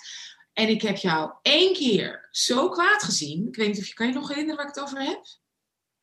Ik ben heel vaak kwaad geweest hoor. maar- goed, dat, dat, waar ik in ieder geval bij was. Want jij was heel goed, jij was strategisch. Jij ging met de juiste mensen gesprek voeren. Hè? Je, was, je liep niet te schreeuwen zeg maar, op de redactie. En één keer weet ik nog dat jij binnenkwam. En toen was, waren ze weer bezig met de zoveelste verbouwing. En toen had jij een soort... Ja? Oké, vertel, erbij was. Oké. vertel jij je maar. Nee, nee, vertel even, even voor de zekerheid. Misschien, kijk. Oh. Jij kwam binnen en je had een soort plan gezien van de verbouwing, weet ik veel waar we werden. ge- En toen werd NTR Diversiteit, werd, was dan voor de grap, stond daar dan zo bij. Iets, ik geloof, ik weet niet of dat het juiste woord was, Dat maar was zo- de ghetto of zo, zoiets. Toch stond er, of weet ik veel, Zuidoost. Ik weet niet, zat een van de. Toch? Of de achterbuurt of zo hadden ze het genoemd. Nee, wat er was, is ik kwam binnen en ik Ja. zag dat er, een, er sfeer hing van dat er iets niet lekker was. En toen vroeg ik aan een van mijn jongens, ik dacht dat het Mo was, de producer, wat is hier, wat is hier aan de hand? En toen, stond zij, en toen zeiden ze van ja, het nieuwe plan is gekomen dat alles verbouwd wordt. En daar staat op dat wij moeten verhuizen naar een andere verdieping. En daar stond op allochtonen, iets met alle allochtone hoek of zo. Allochtone hoek, dat was het. En, en- en toen stonden zij daar en ik, ik kan me herinneren dat Mo daar was en eh, een paar van de mannen van kleur. En ik was er, ik- was er, Patricia Crony. En ik weet dat ik toen alleen maar, ik weet dat wat ik zag was pijn. Ik zag pijn bij hen. Bij hen. En toen vroeg ik, eh, hoe en? En toen zei ze, ja, dit, dit, dit voelt verschrikkelijk. En toen zei ik, en wat heb je gedaan dan? Ja, niks. En ik, maar ga je dan niet naar boven? En toen zeiden ze, nee, dat kan niet, want dan moet je een afspraak maken. Toen zei ik, hoezo een afspraak maken? Het is een deur, die, die doe je open en dan ga je naar binnen. En toen ben ik naar boven gegaan. Ja. En toen gebeurde er iets, iets, volgens mij heb ik je dat dan nooit verteld. Want wat er toen gebeurde, ik ging naar boven en alsof alle godinnen dachten, we are with you. Ik doe die deur open. En niet één man zit er, de drie bazen zaten er, want ze hadden alle drie overleg. En ik, en ik weet nog dat ik helemaal overstuur, of heel kwaad was en dat je het zag. En toen zei ik, sorry dat ik stoor. En toen zeiden ze, oh, maar je stoort toch al, dus kom maar binnen. En toen zei ik, eh, ik sta te trillen zoals jullie zien, want ik stond zo. En ik zei, ehm, en het is goed, kijk hier maar naar, want dit is hoe de hele afdeling zich voelt. En toen zeiden ze, wat is er gebeurd? En toen heb ik gezegd, jullie hebben dit en dit geschreven. En, eh, en de hele afdeling is overstuur. En dat ziet er zo uit. Dus ik wil dat je nu naar mij kijkt. En, en ziet wat, wat jullie besluiten, wat het doet met mensen. En toen heb ik gezegd van, eh, dat je dit 30 jaar geleden deed toen mijn ouders er waren en niks terug konden zeggen, dat begrijp ik. Maar dit kun je nu niet meer maken. En toen zeiden ze, zei eentje zei toen van, ja, maar we zijn ook geen racisten. En toen zei ik, dat woord heb ik niet gebruikt. En toen zei die ander, zei toen, ehm, ja, maar niemand heeft ons erop gewezen. En toen zei ik van, oh ja, wie had dat moeten doen? Want al je vriendjes die bij je in de club zitten, lijken toch op jou? Ik zei, zit er één gekleurd iemand bij? En toen keken ze elkaar aan, toen alle drie en zeiden ze, nee. Ik zei, nou dan, wie had je erop moeten wijzen dan? Nou, en toen heb ik geloof ik nog tien dingen gezegd. En toen wisten ze niet meer wat ze moesten doen. En uh, toen ben ik naar beneden gegaan. En toen hebben ze later mij een mail gestuurd. Um, nou, dat ze het gingen aanpassen. En of ik nog een koffie wilde komen drinken. En toen zei ik, ik hoef helemaal geen koffie te komen drinken. Ik wil dat je het aanpast. I swear to God, dat kom een kopje koffie drinken en dat is iets racistisch of verkeerds doen. Ja. Wat is dat toch? Nou, en dus vergeet niet dat bij een, bij, ik volgens mij bij degene je binnenkwam, in ieder geval bij één van die drie bazen, staat gewoon op het bureau een foto van zichzelf als Zwarte Piet, want dat deed, deed hij elk jaar op het NTR Sinterklaasfeest. Speelde hij altijd Zwarte Piet, een van de bazen. Dus even Ja. alle duidelijkheid om even de context weer te geven. Ja.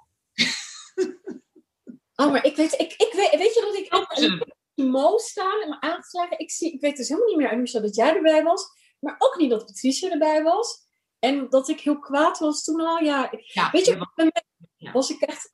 Weet je Ja, mij- Nou, gewoon meer zo van, en, want wij zaten allemaal van, oh, what the fuck, en ja, gaan ze weer. Ik dacht, ik dacht echt van, oh, gee. Weet je, weet je, allemaal inderdaad gewoon in onze emotie en woede ook.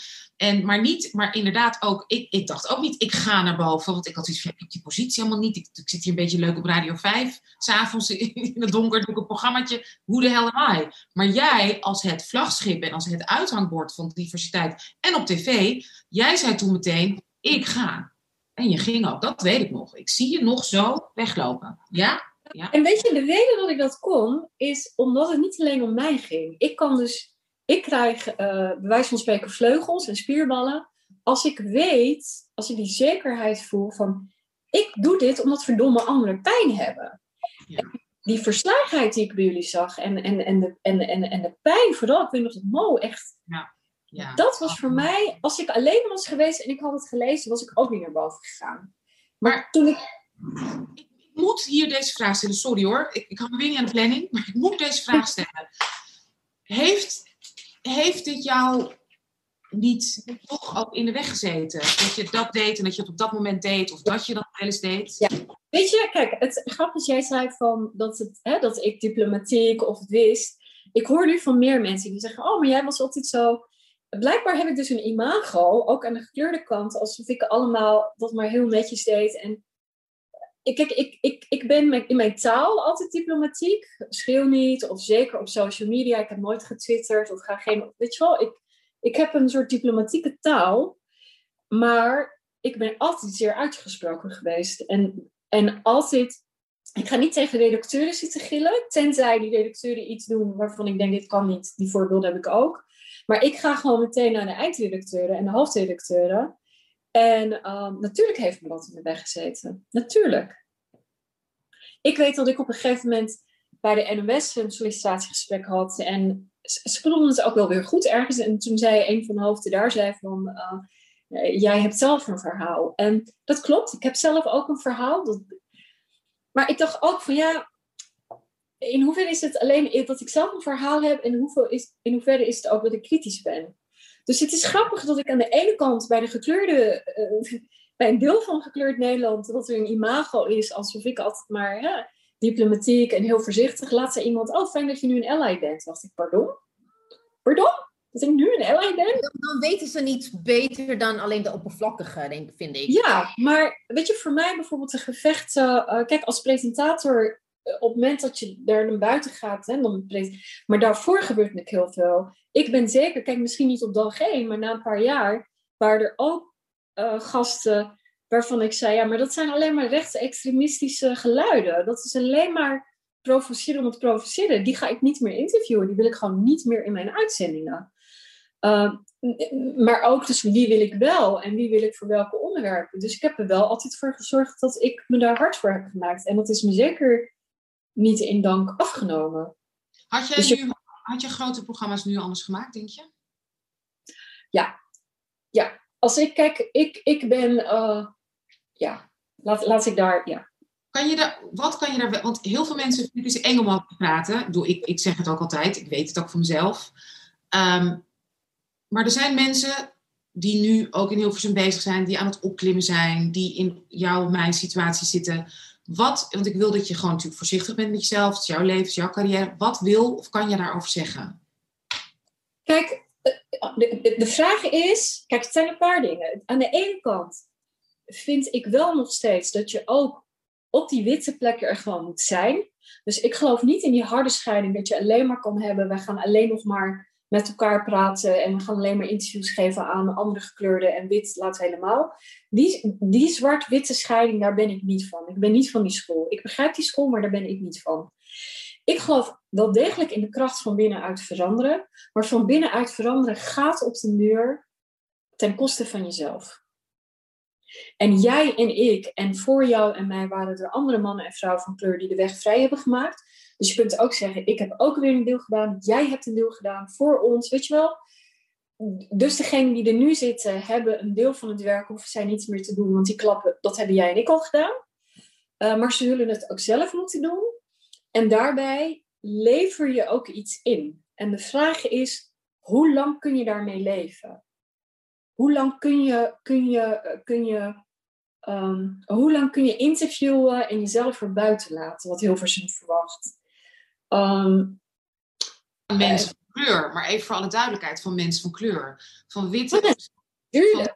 ja, bedoel, laten we wel weten. Maar echt niet zo dat Jeroen Pauw zichzelf er buiten houdt. Of dat nee, zichzelf er buiten houdt. Snap je? Maar dat is standaard, quote unquote, zogenaamd. Kijk, maar als jij dit doet, dan is het, oh, je bent zo bevooroordeeld. En nou, ik zie nu toch echt dat je je cultuur meeneemt. Snap je? Terwijl, dat zegt niemand van, uh, van uh, Paul Witman, zei dat. Heeft nog nooit iemand tegen gezegd. Je neemt wel altijd Weet je, christelijke cultuur mee. Terwijl we het hier dus over hebben, nog los, ik zeg helemaal niet veel, maar wat er fysiek nu gebeurt, is echt heel, heel frappant. Of niet frappant, maar gebeuren nu twee dingen. Ik ben totaal aan het dissociëren. Tot toen we het hadden over magie en alle rituelen, zag ik jullie. Ik ben nu weg. Dat is mijn wat ik gewoon altijd doe. Dan ga ik weg. En ik ben enorm misselijk. Ik wil overgeven, ik ben misselijk, ik ben verdrietig, ik wil huilen. En ik merk ineens dat ik weer weg ben, dat ik weer ergens aan het zweven ben. Zodra jij dus nu begint en echt vraagt hoe was het in Hilversum, ben ik dus gewoon, het trauma komt dus keihard naar boven. Want ik voel het ineens. Dan denk ik, ik zie jullie helemaal niet meer. Ik, ben, ik, ik, zit zo en ik ben gewoon hartstikke misselijk. Weet je, het mij werd, nee, nee, nee, dit is goed. Het is goed dat ik dit, dit, dit is dus wat er gebeurt. En dat is wat ik zei, het is dat gif steeds. Bijvoorbeeld, hoe vaak ik heb gehoord als ik met de onderwerpen kwam en zei... Ik weet nog dat ik bij de VPRO zat en dat de eindredacteur al publiek in de vergadering zei... Oh, dan komt ze weer met haar moslim onderwerpen. Voor de twaalfde keer. Die heb ik ook gelezen. Het is echt... Kan je die voorlezen, Apps? Er staat hier een eindredacteur. Je moet niet zo vaak allochtone onderwerpen aandragen. Dan krijg je een stigma. Oh. En die heb, ik, die heb ik ook bij de NOS gehoord, dit, bij de NTR.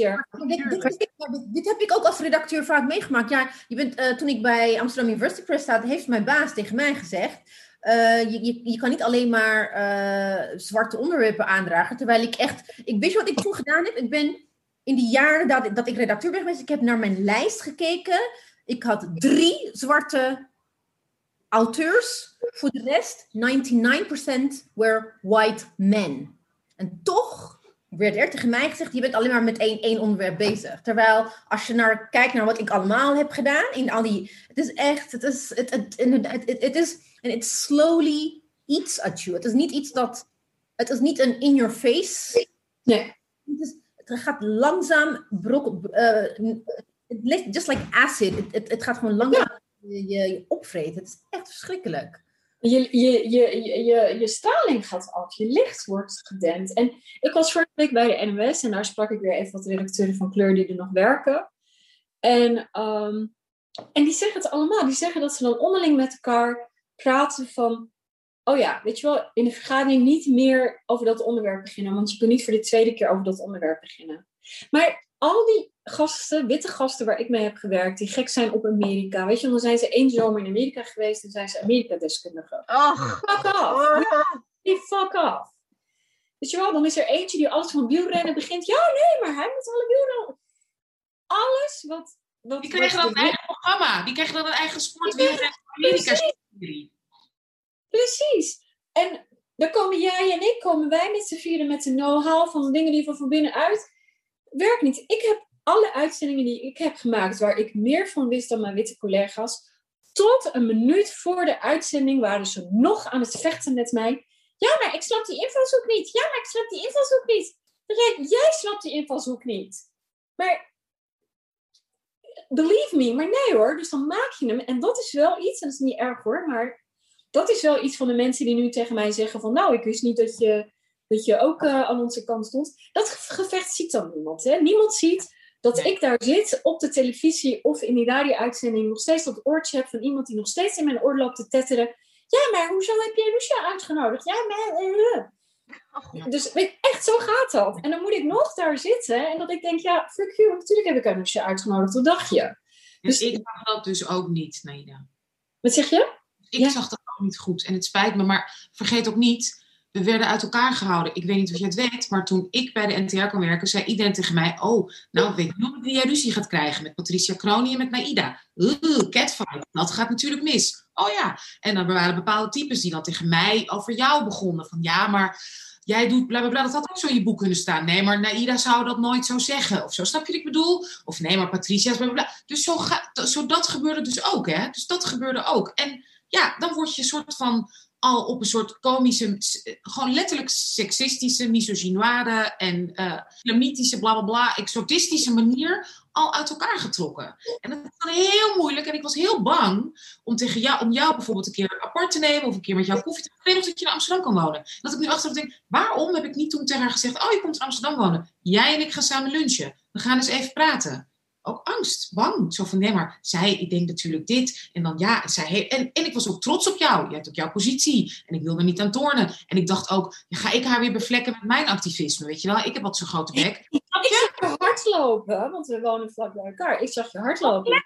Hoek. En ook heel beleefd, oh, dan moet ik een koffie drinken. En dat gebeurde dan niet. Koffie. Nee.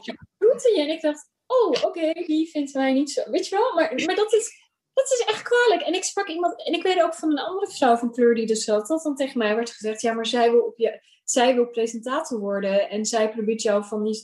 Wel, en nou heb ik dat, daar, dat soort dingen nooit, nooit meer wat van aangetrokken, omdat ik dacht, ja, er is genoeg plek en als iemand anders... Wel, ik, dingen, ik heb me daar nooit, ik heb daar zelf nooit last van gehad, van wie wil wat of... eh, weet je wel, er is een plek voor alles en iedereen. En dat wat jou vandaag toekomt, komt jou vandaag toe. Dus daar, daar geloof ik meer in. Maar wel inderdaad, kijk, en jij staat ook in het boek. En eh, jij staat in het boek van dat er tegen een andere vrouw van kleur is gezegd. Een redacteur waar- waar- waarvan werd gezegd: pas op dat je niet een uh, Anusha Nazimé wordt en een Sylvana Simons. eh, twee van die. Wat stond erin? Ehm, Zuur, toch zuur, bitter, ja. Zuur ja. en bitter. Zuurt, ja. Maar dat tegen mij, tegen mij ook heel vaak gezegd. Ja, maar je wilt toch niet zo eh, verbitterd en zuur worden als Sylvana Simons en Anousha? Dat dacht ik, nou, ik zou wel heel graag als Anousha willen worden en als Sylvana. eh, En dan tegen Waar? mij was je maar wat meer zoals Naida, weet je wel? Van, oh god. Oh, en- dat- Oh, Oh, maar ja. nu snap ik. Oh, wat erg. Nu snap ik. Terwijl tegen mij werd gezegd. Weet je, dat is ook zo. In het begin, toen ik begon, eh, werd er dus inderdaad, het staat er ook in gezegd dat ik niet genoeg autonomie heb. Want dat heb ik niet geleerd in mijn cultuur. Dus, dat, dus het wordt niks. Mijn hoofdredacteur heeft toen letterlijk tegen mij gezegd: Je hebt geen persoonlijkheid.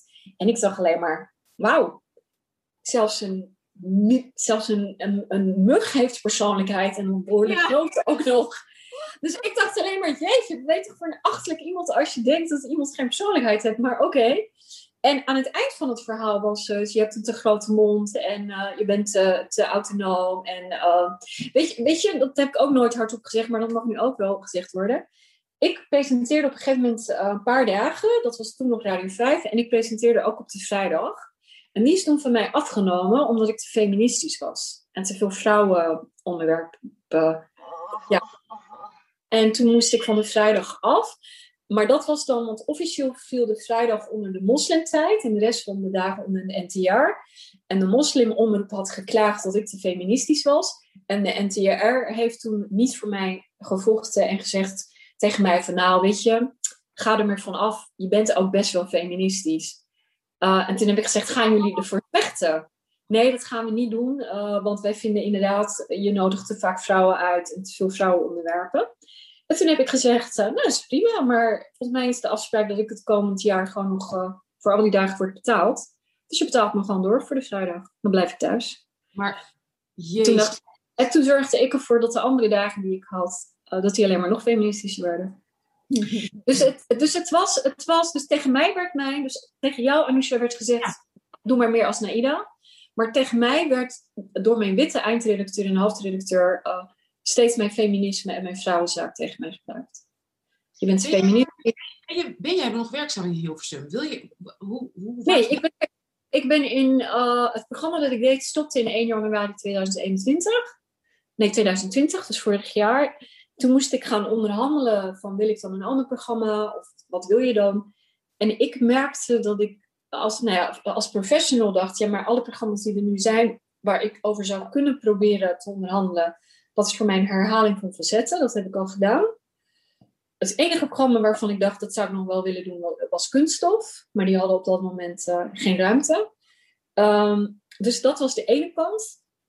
En de andere kant was dat ik heel erg voelde, ik wil, als, ik wil nu alleen maar onder mijn voorwaarden. Dus ik kan dit niet meer ik kan dit niet meer. Ik, ik, ik vond mezelf gewoon niet meer een leuk iemand.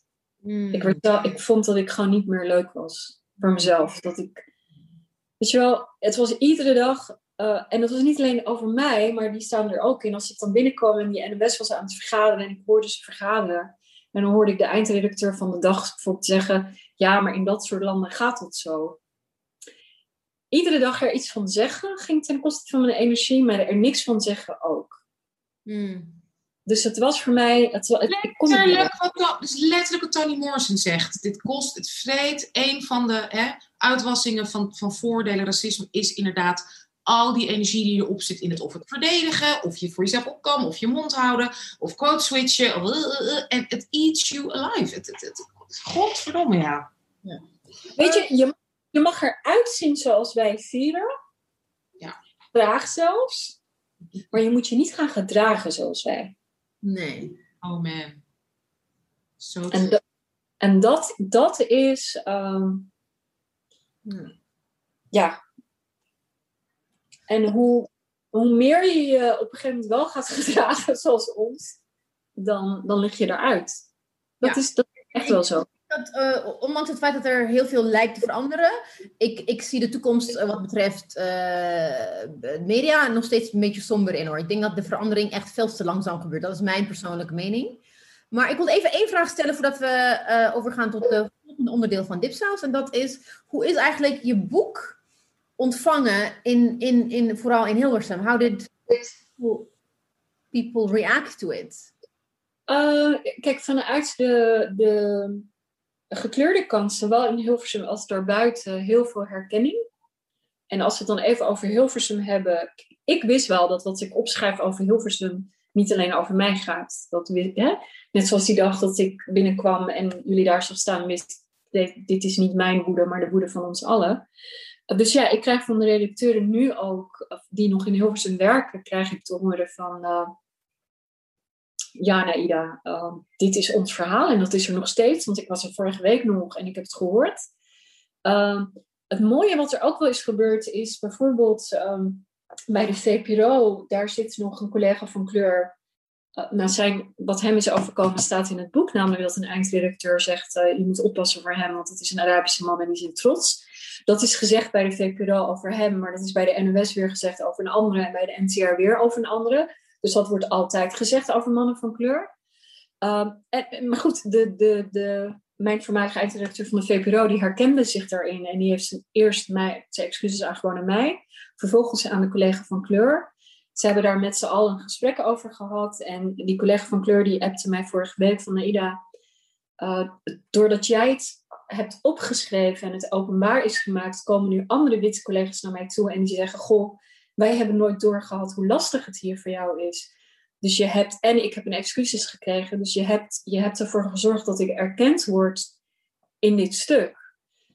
Uh, dat maakt me nou ook wel, denk ik, ja, word ik wel blij van. Is en, dat waarom je het ook hebt geschreven? Ik heb het geschreven om, um, om ons als gekleurd, om, om gekleurd Nederland toestemming te geven om de pijn te mogen voelen. Om de vermoeidheid te mogen voelen, de boosheid te mogen voelen. En aan wit Nederland heb ik het geschreven om um, als een spiegel. En aan hen of ze erin kijken of niet. En voor gekleurd Nederland, behalve dus een groen licht van je mag het voelen. Maar ook je bent niet alleen. Precies wat Anusha zegt. Dat jij en ik niet met elkaar... Want weet je wat het is? Ieder, we worden natuurlijk ook uit elkaar gehaald. Ja, maar Mariam, jij voelt dat. Ja, maar EBC, jij bent natuurlijk ook zo. Er is nooit een witte iemand die zal zeggen tegen ons van tegen mij: Oh ja, ja, nee, Anousha had hier ook al last van toen ze hier werkte. Oh ja, nee, Mariam en ABC hebben dit ook al gezegd. Ja, Galit. Nee, er wordt gezegd: Ja, maar Anousha, jij. Ja, maar Naida, jij. En wij zijn ook gaan denken dat het aan mij ligt. Toch? Ja. En achterdochtig worden. En achterdochtig worden ten opzichte van elkaar. Dus heel erg, ik bedoel, de Britten waren er hartstikke goed in, toch? Het werkt nog steeds door.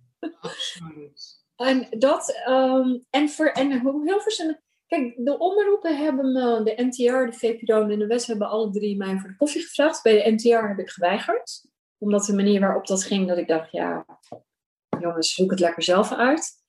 En ja, like, I'm not gonna do it. En uh, VPRO um, uh, heb ik wel even een gesprek met de eindredacteur gehad. En wel heel erg gezegd van, luister, ga ermee aan de slag bij de mensen die er werken. Want ik geloof ook niet Weet je wel, in dat spelletje van, oh, dan mag jij op de koffie komen. Ja, kom jij, ja.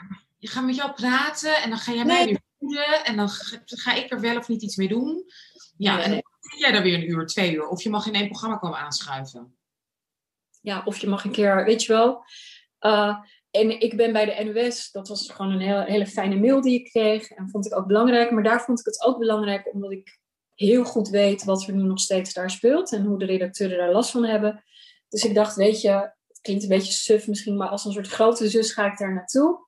En zeg ik nog één keer van, luister, dit en dit en dit speelt er.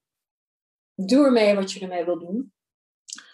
Uh, maar mijn eigen, ik geloof dat ik dat, dat, dat de deur voor mij al gesloten is. Ja. Oh my god, oh, schat. Ja, ja, ja. Het, ja, ik, je maakt het door anderen op, hè? Ja. Als VPRO aan het meeluisteren is, dus we gaan jou niet over twee jaar vragen om uh, zomergasten te presenteren. Nee, dit jaar. Oeh, zomergasten. dat zou ik nou nog wel leuk vinden. Natuurlijk, ja. dat, dus dat wat ik Ja. Ik zou zeggen, juist door dit boek, door wat jij bereikt hebt, zouden ze moeten zeggen van, hé, hey, die Naida, would be great om zomergasten te presenteren. Ja, bij deze vragen, zeggen wij dit nu en vragen wij nu. Hallo VPRO, Laat, laat Naida volgend jaar zomergasten presenteren. Ja. Janine heeft het geweldig gedaan, toch? Maar dat is ook alweer vier, vijf jaar. Alright, let's change it up. Ik zou zeggen, laat ze ons vieren een televisieprogramma geven. Ah. Ja. Ooit. Een masker. Zonder masker, ja. Oké. Precies. O- Ja. Zonder masker, waarin we het kunnen hebben over de godinnen, waarin we het kunnen hebben over whatever. Alles. Alles. Dus, en wat dan zo leuk is, dan geven we heel veel werk aan al die columnisten, al die rechtse, al die rechtse websites en zo. Die kunnen dan lekker elke week, kunnen ze gewoon zes kranten vullen met allemaal negatieve stukjes. boze One-liners, memes. Hey. Helemaal afstemmen, helemaal afstemmen. Ze mogen van tevoren weten, dan kunnen ze al cartoons maken. Oh ja. alweer een slim onderwerp. Ja. Nou, Ida, dank je wel voor je openhartigheid, je wijze lessen, je energie, je blessing. Ehm, maar we zijn nog niet klaar. We hebben een heel klein, heel klein segment en dat is de DDD. En dat is wel een van onze favoriet. De DDD zijn drinken, dansen of dipsausen. Eh, nou, drinken is thee, tequila, ehm, eh, koffie, maakt niet uit. Ehm, dansen is dansen. En eh, dipsaus is eigenlijk wat wij met z'n drieën doen. Ehm, eh, nieuwe BH's laten zien. Eh, klagen over tieners, die ik niet heb. Ik heb eh, geen kinderen. Maar wel ook tips, eh, relatietips. Echt alles. Um, S'nachts, voice notes, het mag allemaal. Je krijgt drie namen. En bij die drie namen moet je er eentje kiezen. Ja? Dus je moet drinken, dansen of dipsausen met één van deze drie personen. En die zijn Giel Belen, Catharine Keil en Kevin Hart. Oké, Giel Belen doen we dan drinken. Dan zijn we er snel mee klaar.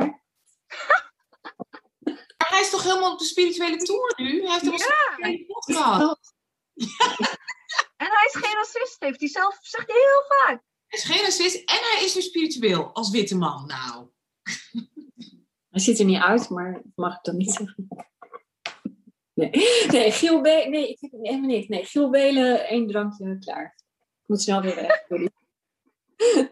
Catharine Kou. Catharine Kou is, is wel heel... Ik heb een tijd, want dat kwam weer een paar jaar geleden. Een, een tijdje was, was, deed ik dipsaus met haar, ja. Oké. Ja, dat is wel een dipsaus, eh dipsausvrouw, ja. En ehm, nu al vrij lang niet meer hoor, maar... En wie was de derde? Ke- Kevin Hart. Ik weet niet of je die kent. Die heeft nu een nieuwe film over vaderschap. Maar het is ook een man die zei: Als mijn zoon ehm, homoseksueel is, dan, eh, dan sla ik dat er wel uit. Oh, oké. nou, dan, is, dan hoef ik niet eens verder te kijken. Dan eh, doen we er zo drinken en dan zo tjoek in zijn gezicht. Hé, hey, is dan weer... en dan lopen we door. dan ga je dus dansen met Giel Belen, hè? Oh, Ja. moet ik dansen? Ja, je moet met alle drie iets doen. Oh, shoot, shoot, shoot. Giel Belen is ook een goeie. I mean, she can see Oh, oké. Dan doen we Giel Belen dansen vooruit. Oké. En dan mag hij dansen, jij gewoon kijken. Dat is ook goed.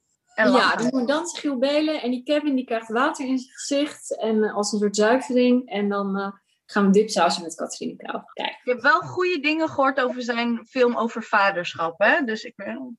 Ja, nee, supermooi en sentimenteel is het. Ja? Ja, Ja. hij is dan zijn vrouw. They, they did it really well. It's a well done film. It's a well done family. Heel goed voor zijn imago. Ja. Terwijl hij ging Ja. zelf toen zijn vrouw zwanger was. Maar goed. Maar ik heb, ja, ik heb nog nooit een, een, een goede acteur of zo gevonden. Ik vond hem altijd irritant. Voordat ik wist dat hij zijn politiek slecht was. Maar goed, anyway. Oké, nou, ik ga straks even googlen hoe die eruit ziet. Ik weet niet of je van korte mannen houdt. Hij kijkt heel irritant uit zijn ogen. Ik vind hem gewoon niet... Ik vind hem irritant. Wacht even hoor. Nu moet ik bedoel, Ja, technologie is niet zomaar. Oké, Kevin en dan? Hart. H-A-R-T. Oh, hard, ja. Oeh. Oh! Oh! Oh. Oh, hij kijkt heel irritant, ja. Ja, hij is ook comedian. Met hele slechte grappen. Oh, maar oké, ik heb een voorliefde voor mannen met een groot hoofd en een extra voorliefde voor comedians. Alleen als ze heel goed zijn. Maar nee joh, daar krijg ik echt snel ruzie mee. Ja. Ik kijk altijd, mijn man denk ik altijd, krijg ik snel ruzie met jou of niet? Ja, hè? Ja. ja, ja, hoeveel discussies gaan wij hebben? Ik val Oh, op lieve ogen. Shout-out Oh, ja. aan mijn vriendje. Hoi. Joehoe! Ik heb nu wel zoiets van, hoe ziet Giel Belen er ook alweer uit? Dat- Hij is toch heel dun?